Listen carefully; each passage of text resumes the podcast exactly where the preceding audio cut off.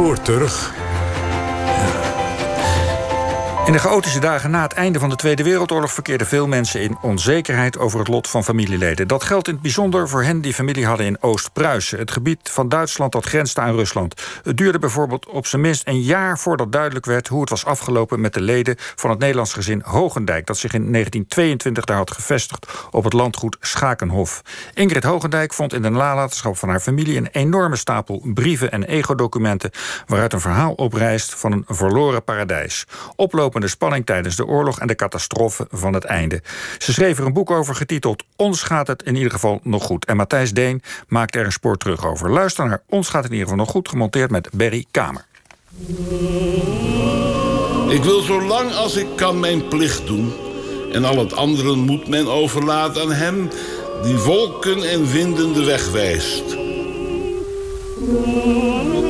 Voor Fatih, het opperhoofd van onze familie, hadden wij groot respect. Een enkele oogopslag was voldoende om ons kinderen in toom te houden. Fatih had een gebiedend karakter. Wie hem begreep, kon echter veel bij hem bereiken. Hij was altijd een imponerende en elegante persoonlijkheid, verstandig en belezen. Hij had het in de wereld ver geschopt. Al die hooggeplaatste persoonlijkheden zouden eerst eens moeten leren hun knieën te buigen en aan onze Heer leren vragen welke weg zij zouden moeten gaan. Moetjen, deze vrouw die zo volledig opging in haar moederschap en in haar vrouw zijn, verdient tot op de dag van vandaag mijn grootste hoogachting.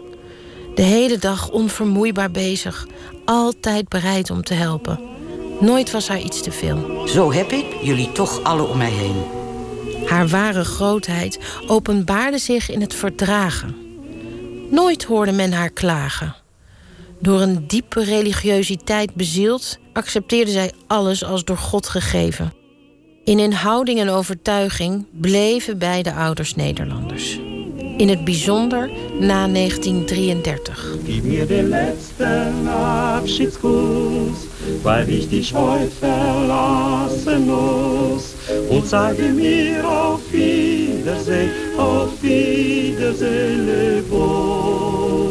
Michiel Hogendijk liep al tegen de 40 toen hij Schakenhof verwierf. Een landgoed in Oost-Pruisen, 75 kilometer ten zuidwesten van Koningsberg. Oudste van 14 kinderen, geboren in Capelle aan de IJssel, zoon van een lappenkoopman met een hondenkar, had hij een fabelachtige sprong gemaakt.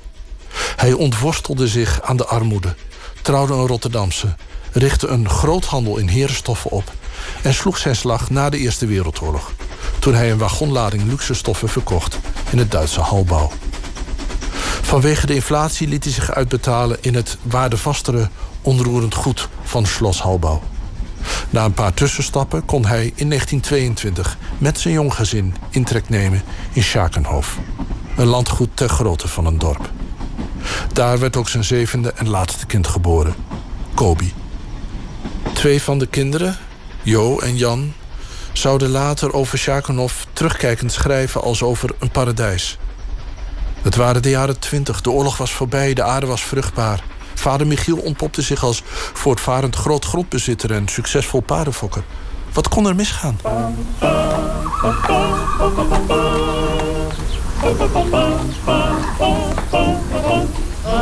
Met bijna 500 hectare was het landgoed van mijn vader voor Oost-Pruisische begrippen niet uitzonderlijk groot. Het merendeel van het land bestond uit akker- en weidegrond. Een klein deel werd gebruikt voor houtopslag, wegen, park en tuinderij. Tot het landgoed behoorden circa 90 paden. Ongeveer 150 stuks rundvee, ruim 300 varkens... en verder kippen, ganzen, eenden, kalkoenen en 25 bijenkorven. In het midden van het erf stond het herenhuis. In dit huis groeiden wij op. Zeven levenslustige kinderen Hogendijk. Twee jongens en vijf meisjes. Graag denk ik terug aan onze herenkamer... met zijn zware uit hout gesneden meubels... zorgvuldig gekozen schilderijen... de gezellige zithoek... en niet te vergeten het radiotoestel... dat aan de hoogste kwaliteitseisen voldeed. Hier bloeide mijn liefde voor de muziek op. Onze woonkamer, de zonnekamer was knus en vrolijk van kleur. Daar stond onze piano. Achter de toetsen droomde ik bij geopend venster weg. Totdat het elektrisch licht werd aangedraaid en ik werd teruggehaald naar de werkelijkheid.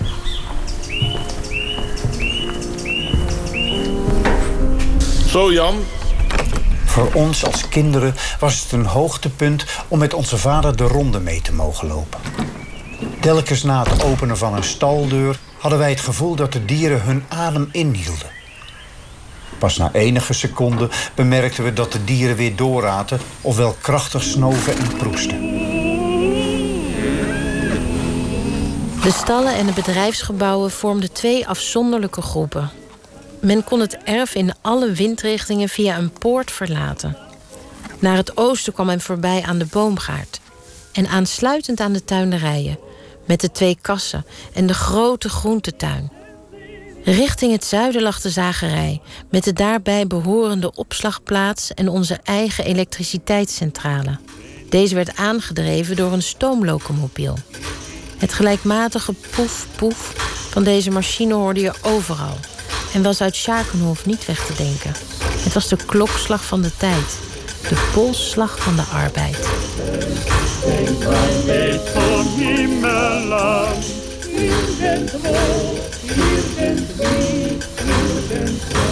Door de jongelui van het landgoed werden tijdens de hooioogst struiken en takken verzameld en op een afgemaaid klaverveld op een grote hoop gegooid.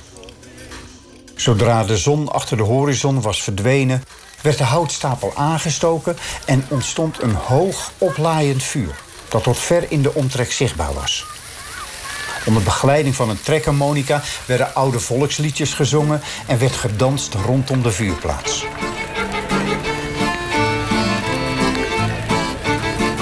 Aan het eind van de avond probeerden de jongens en meisjes over de nog nagloeiende as heen te springen.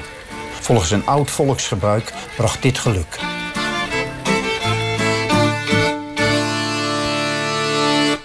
Het fraaie park met zijn linden, berken en kastanjes lag aansluitend aan de groentetuin en de boomgaard en was circa 15 hectare groot. Een dennenbos waarin fazanten zaten schermde het park van de weg af. Je kon er naar hartelust luieren, in de zon of onder een schaduwrijke bomen. Verrukkelijk was het als de bessen rijp waren en je daarvan zoveel mocht eten als je maar kon.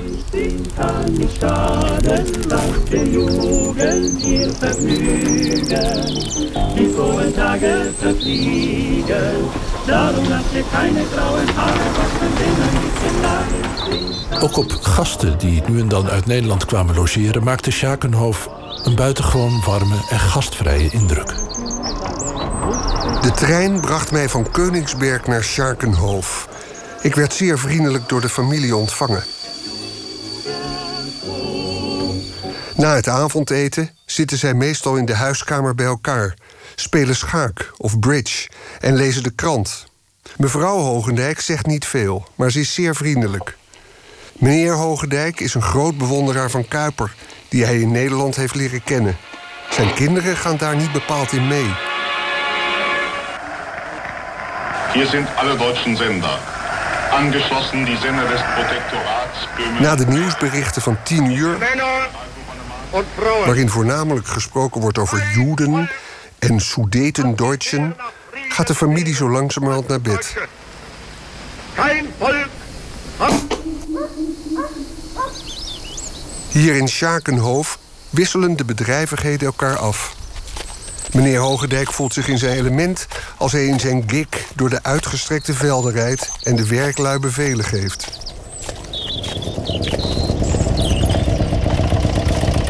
Woensdagmiddag werd Schakenhof overstroomd door soldaten in auto's en op motorfietsen. De militairen hielden in deze buurt manoeuvres. Zeven officieren meldden zich bij meneer Hogendijk en vroegen om onderdak voor 60 manschappen. Ze zouden de nacht doorbrengen in de stallen. We praten wat met hen over Hitler, over de politiek en het voor ons onsympathieke optreden van Duitsland. De officieren vonden het onbegrijpelijk dat Nederland zo bang was. Om half twee in de nacht werden ze ontboden door een hauptman... die al snel met meneer Hogendijk overhoop lag. Meneer Hogendijk, boos dat hij uit zijn bed moest komen... had de telefoon op de haak gegooid.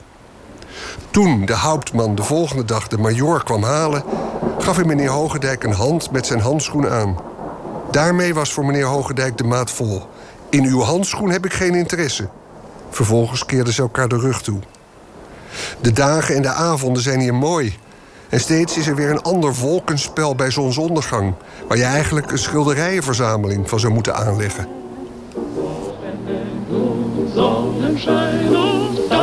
Opkomst van het Derde Rijk, de propaganda van de nazi's...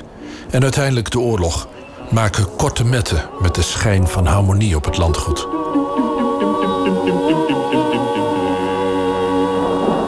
Pieter, de oudste zoon, verzet zich vanaf het begin tegen de nazi's. Hij weigert de Hitler goed te brengen en wordt door zijn vader in 1937 voor de zekerheid naar Amsterdam gestuurd. Vader Michiel heeft ook geen goed woord over voor de nationaal-socialisten. Maar de andere zes kinderen, Truus, Teuntje, Jo, Ali, Jan en de kleine Kobi, worden door de propaganda ingepakt.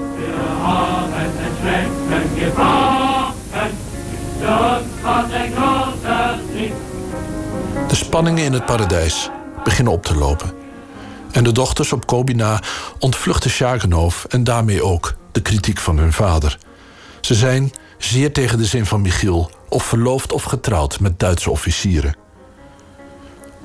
Op de oudste dochter Truus na beginnen ze een levendige briefwisseling met Pieter in Nederland.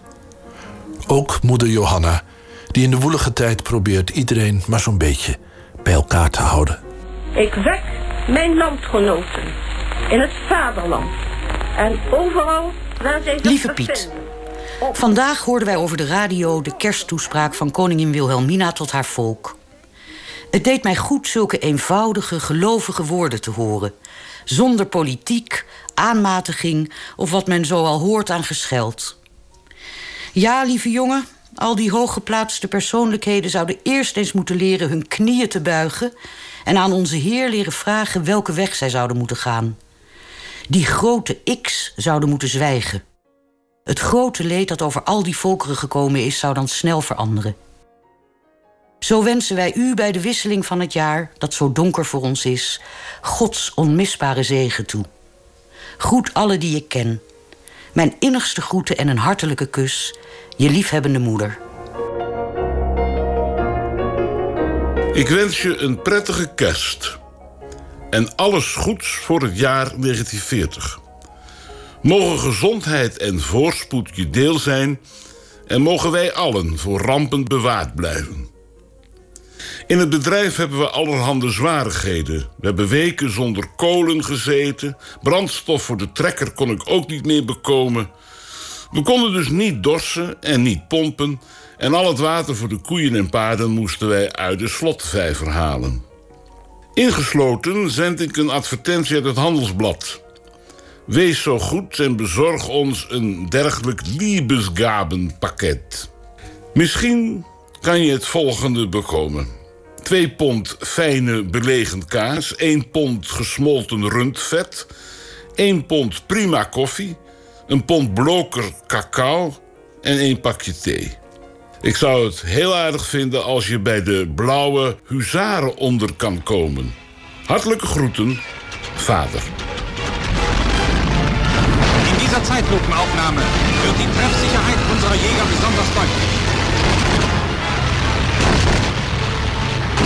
Zus Jo aan Pieter, Schakenhoofd, december 1939. Ach Pieter, de successen van onze luchtmacht zijn formidabel. In die jongens zit veel energie, moed en agressiviteit. Je weet wel, wie niet horen wil, moet voelen. Schrijf me toch eens dat je aan Duitsland denkt en dat je meeleeft. Schrijf me eens in het Duits. Ik hoop dat ik niet te veel van je vraag. Vergeet nooit je Duitse gastland, mijn lieve jongen. Een hard gevecht is ingezet en wij hopen en geloven vast daar als winnaar uit te zullen komen. Je hebt zelf Duitslands moeilijkste tijd naar Versailles ondervonden. Je was hier en hebt de straatgevechten meegemaakt. Kon ik er maar achter komen hoe men in Nederland over dit alles denkt? Of men alsnog tot het inzicht komt dat wij voor onze vrede zullen strijden? Totdat deze zeker zal zijn gesteld en gebillijkt. Er zijn vast veel mensen die dat erkennen. Luister je zondags naar onze verzoekprogramma's voor de Weermacht? Ken je ook die aardige liedjes van Herm Sneeuw? Het is zo schön soldaat te zijn. Of Erika. Stuur alsjeblieft geen koffie. Deze kan men goed ontberen. Je zou voor de grap eens kousen toe kunnen zenden. Met pijn in mijn hart zal ik aan je denken. Je bent ver, ver van mij. Ik wens je een vrolijke en vreedzame kerstdagen.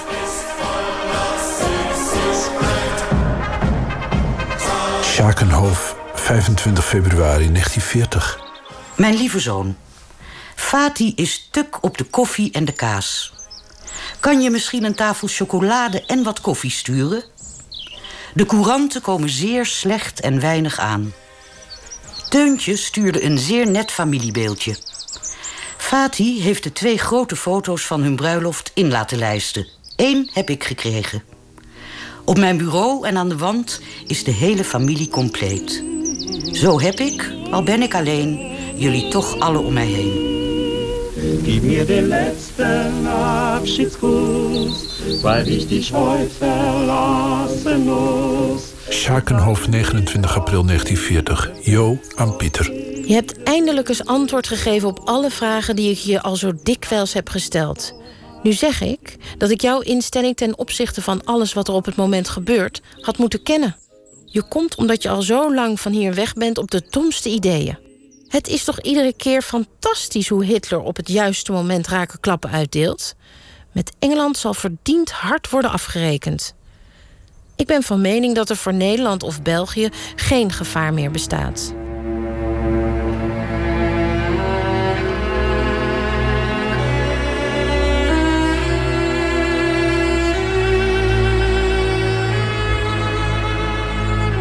Het jongste zusje Kobi Pieter. Schakenhof, 4 mei 1940. Langzaam maar zeker wordt het hier voorjaar.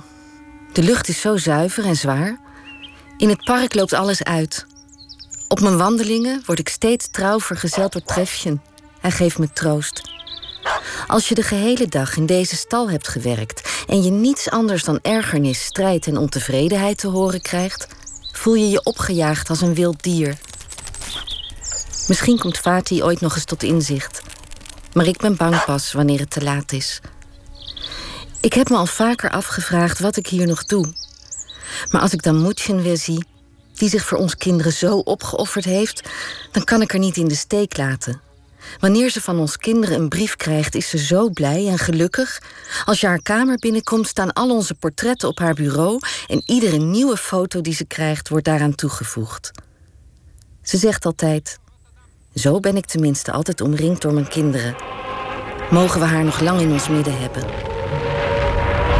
Die militärisch wichtigen Ziele der stark verteidigten Stadt Rotterdam werden mit Bomben belegt. Koningsberg, 21 mei 1940. Jo aan Pieter. Heb jij al enig bericht van onze verwanten? Rotterdam is er wel heel slecht van afgekomen. Het is tragisch, Pietje. Maar je weet hoe ik erover denk. En wat mijn gevoelens zijn. Men kan iemands hart niet dicteren voor wie het moet slaan. Allereerst moeten Engeland en Frankrijk eens ondervinden wat zij zichzelf op de hals hebben gehaald en anderen hebben aangedaan. De vergelding zal hard zijn, maar eens moest deze komen.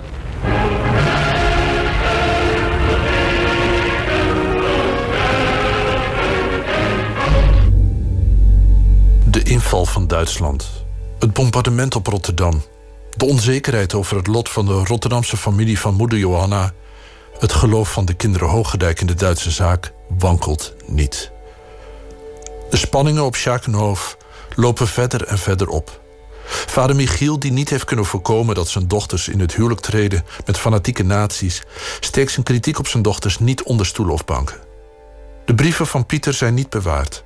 Alleen uit de antwoorden die de zussen en vooral Jood terugsturen, valt af te leiden dat hij zijn afkeer van de naties zijn zussen niet bespaart. Ondertussen gaan de oorlogsjaren voorbij. Veel van de mannen die op het landgoed werkten, zijn weggeroepen door de Weermacht. Er ontstaat gebrek en van tijd tot tijd wordt Michiel door de autoriteiten tegengewerkt. Zoon Jan gaat een tijdje bij Pieter wonen in Nederland, maar dat verblijf leidt er alleen maar toe dat hij zich aanmeldt bij de Weermacht, vergeefs overigens. Schakenhof en Oost-Pruisen blijven redelijk lang gevrijwaard van direct oorlogsgeweld. De kinderen van dochter Truus en haar fanatiek nazistische man Heinrich komen regelmatig schuilen op het landgoed om de bombardementen in hun woonplaats Keulen te ontvluchten. Aan het eind van de oorlog vlucht dat gezin met hun vier kinderen naar het dichtbij Schakenhof gelegen Rastenburg. Dan, in september 1944, als het eind van de oorlog alleen maar een kwestie van tijd is, klopt de oorlog aan. Een brief van moeder Johanna aan Pieter. Mijn lieve zoon, nu hebben we ook hier in Oost-Pruisen een grote terreuraanval beleefd. Königsberg is voor een groot deel vernietigd. Al de prachtige gebouwen, zoals het Slos, de stadhallen, de oude en nieuwe universiteit, de beurs, te veel om op te noemen, zijn aan verwoesting ten prooi gevallen. Het gehele centrum is volkomen weggevaagd. De brug over de Slossteig brak toen deze gevuld was met mensen.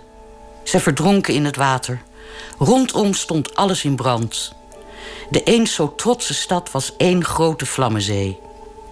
Omdat je Königsberg zo goed kent, kan je begrijpen wat dat alles betekent. Gelukkig voor de vele mensen op de vlucht dat het weer beter is geworden, maar s'nachts is het toch al zeer koud. Je weet zeker ook niet dat Truus een meisje heeft gekregen. Annegret Alida. Alles is goed gegaan en de kleine weegt acht pond, een flink kind. De andere vier kinderen zijn bij ons.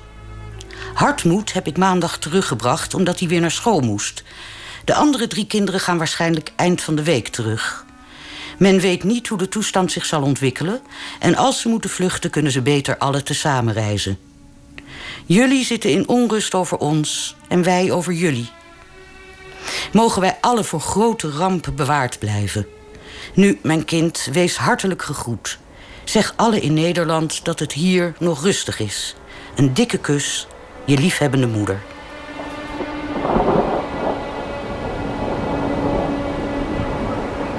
Michiel aan Pieter.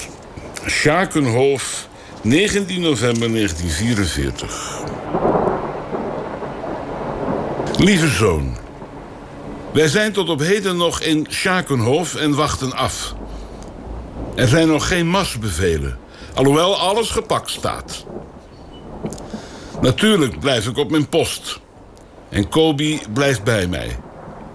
Zij is nog jong en kan een eventuele trek wel doorstaan. Alhoewel het in de winter geen kleinigheid is op de landstraat te moeten bivakeren. Haast elke dag hebben wij vluchtelingen op te nemen uit andere krijzen. Men kan natuurlijk alleen het hoogstnodige meenemen. Al het andere moet achterblijven. Ik wil zo lang als ik kan mijn plicht doen. En al het andere moet men overlaten aan hem... die wolken en winden de weg wijst. Spoor, loop en baan. Gode bevolen, je vader, M.A. Hogendijk. Весь мир волновала в эти дни радостная весть. Красная армия, решающий удар нанесен. Полной мерой получает Берлин... Kobi aan neef Jan Braaks in Rotterdam. Schakenhof, 31 oktober 1944. Vanwege de situatie van dit moment is bij ons alles gepakt. De wagens staan klaar. Laten we hopen dat het bij ons niet tot een vlucht hoeft te komen. Ik geloof er nog niet in. Je moet de tanden op elkaar bijten om er niet aan onderdoor te gaan. Als iets komt, komt bij mij altijd alles tegelijk. Ach Jan, het is verdomd moeilijk. Geloof me, als ik zou kunnen, bleef ik hier geen minuut langer. Op dit moment is de toestand hier bijna niet om uit te houden. Ik verbaas me soms over mezelf. Na een nacht slapen begin je de volgende morgen toch weer met frisse moed. Michiel aan neef Jan Braaks. Schakenhof, 18 januari 1945. Beste Jan, ik heb vreselijk veel te doen. Mijn inspecteur is nu ook soldaat, zodat ik er alleen voor sta. Het schijnt dat de toestand nu met reuzenschreden het einde tegemoet gaat... en geen mens kan zeggen wat er nu gebeuren gaat. Wij zijn echter allen in Gods hand. Verder hebben wij veel inkwartiering gehad en zeer veel vluchtelingen uit andere kruisen, daar de Russen binnengevallen zijn. Ook wij hebben gepakt en wachten op de dingen die komen gaan. Kobi gaat het goed. Zij doet de hele huishouding. Omdat tante Johanna al twee maanden bij Jo is. Sigaren zijn hier haast niet meer te krijgen. Hopelijk heeft je moeder nog een paar kistjes voor mij bewaard... voor als ik naar Holland komen kan. Zo, Jan. Nu weet je weer wat van hier. En hou je maar taai, hoor. Hartelijke groeten van je oom M.A. Hogendijk.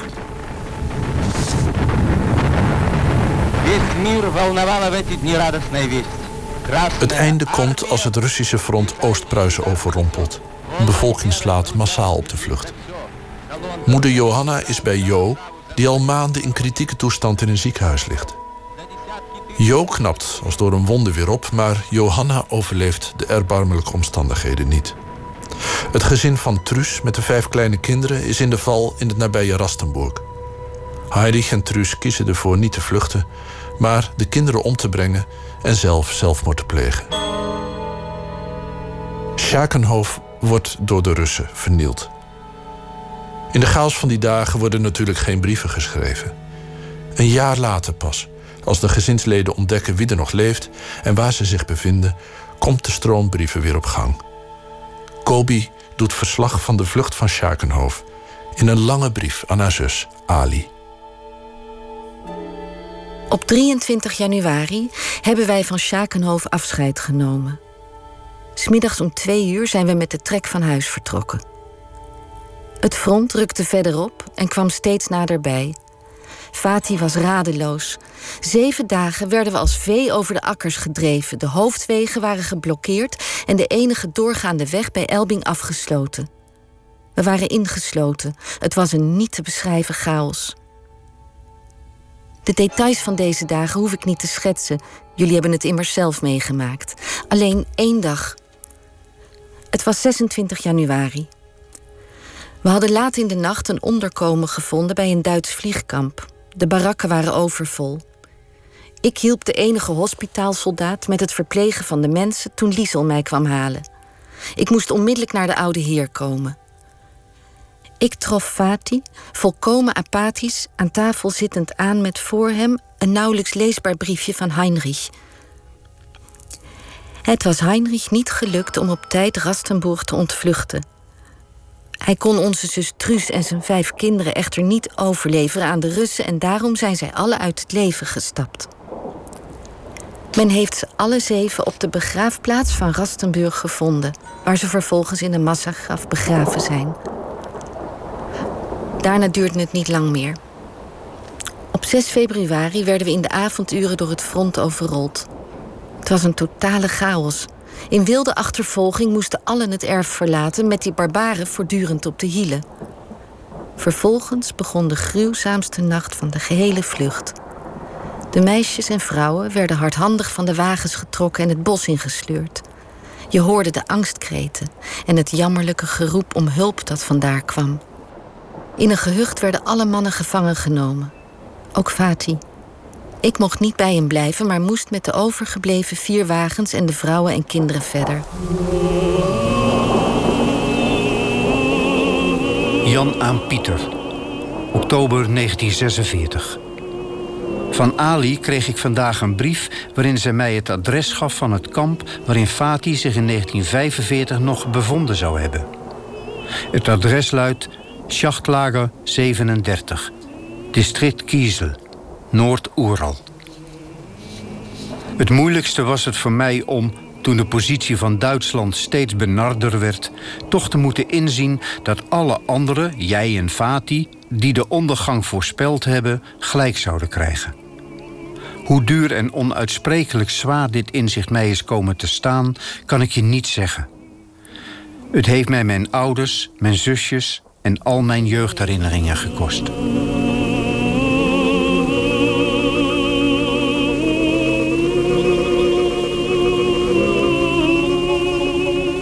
Tiegen, 9 maart 1949. voor de familie van de heer Hogendijk. In een kamp met gedeporteerden in het noorden van de Oeral in Rusland trof ik in maart 1946 een bekende met de naam Hogendijk, die ik uit de jaren na de Eerste Wereldoorlog ken. De vreugde was groot in deze ellende tenminste één bekende te hebben. De heer Hogendijk had, zoals de meeste van ons allen, een zeer sterke levenswil om zijn vaderland nog een keer weer te zien.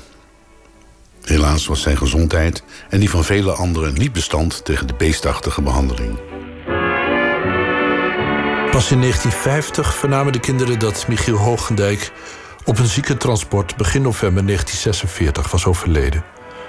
En pas in 2007 vertelde de voormalige streekgenoot Christophe Miltaker, die in hetzelfde kamp verbleef als Michiel, hoe hij hem opzocht, maar te laat was.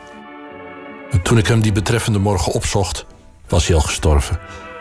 Ik mocht afscheid van hem nemen. Hij lag in de gang. Zijn arm was naar beneden gevallen.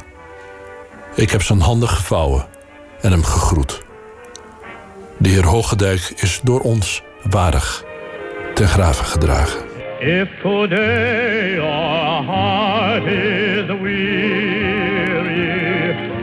is